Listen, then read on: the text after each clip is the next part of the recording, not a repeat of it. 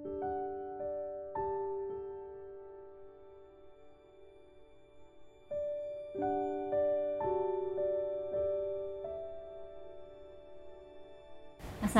warahmatullahi wabarakatuh.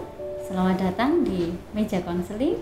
Di sini kita akan bercerita, mendengarkan, dan merasakan cerita kalian bersama ilmuwan psikologi dan psikolog dari Fakultas Psikologi Universitas Muhammadiyah Malang. Podcast ini mengundang kalian untuk berbagi cerita, keluh kesah, dan gundah gulana untuk kami bahas dan kami ulas bersama setiap pekannya.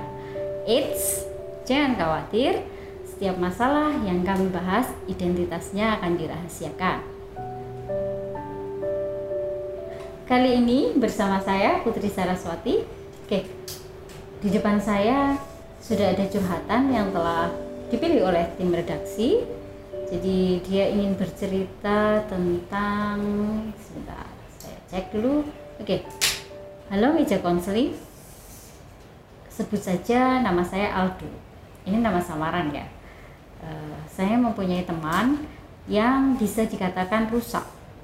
Sebut saja membuli, menggunakan obat-obat terlarang, minum minuman keras, dan sampai pada tahap pergaulan bebas.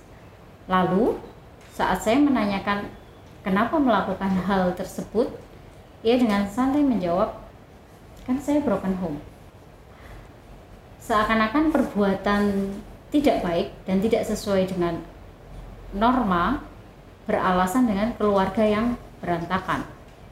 Bagi meja konseling, saya ingin bertanya, apakah broken home bisa dijadikan alasan untuk melakukan tindakan yang melenceng dari norma yang ada? Oke, okay.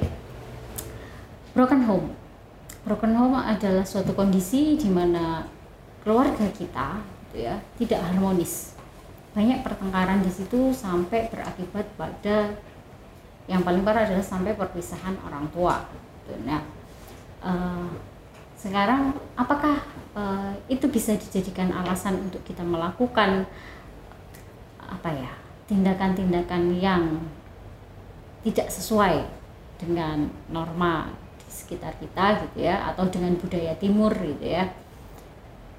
Sebenarnya gini kalau kita mau pahami lagi ya uh, saya sangat mengerti apa yang uh, kalian rasakan gitu ya atau Aldo rasakan jadi ketika kita punya keluarga yang broken home maka gitu ya kita akan merasa marah kita akan merasakan sedih jengkel bingung takut gitu ya Kenapa kok bisa seperti ini?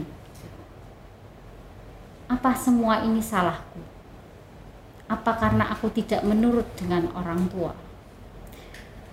Apa karena nilaiku jelek? Apa karena macam-macam banyak pertanyaan? Apakah karena aku? Atau ada juga opsi yang seperti ini. Kenapa Tuhan tidak adil? Kenapa orang tuaku egois? Kenapa mereka melakukan sesuatu semau-maunya sendiri. Apakah mereka tidak sayang aku? Itu dampaknya. Sampai pada titik mereka berpikir bahwa apakah aku itu disayangi? Apakah aku itu pantas untuk dicintai?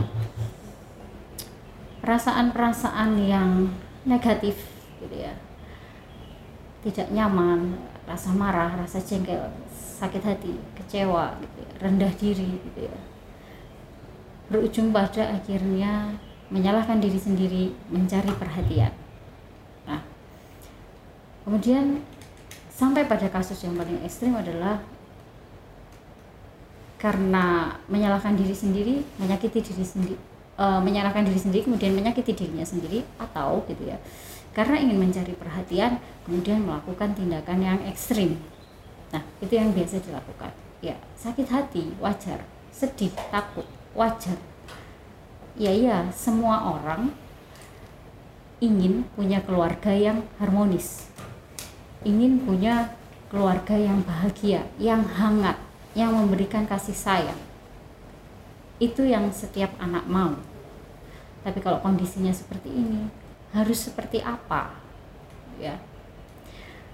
Gini.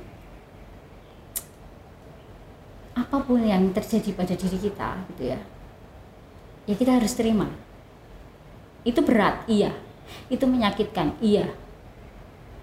Tapi itu takdir kita gitu kan ya harus diterima. Sakit iya pasti. Terus gimana? Maka carilah orang yang tepat yang bisa mendengarkan kamu ya. Yang bisa memahami kamu gitu ya. Yang bisa dipercaya memberikan solusi yang sehat yang efektif yang tepat. Setelah itu apa yang harus kamu lakukan? Yang kamu harus lakukan adalah uh, ekspresikan rasa sakitmu itu. Dengan cara yang tepat. Bukan dengan menyakiti diri sendiri atau menyakiti orang lain. Dan yang terakhir adalah nah tidak ada manusia yang sempurna. Kamu mungkin memang keluarganya broken home tapi kamu punya kelebihan. Carilah kelebihan tidak harus selalu fisik. Kelebihan bisa hal-hal yang sederhana.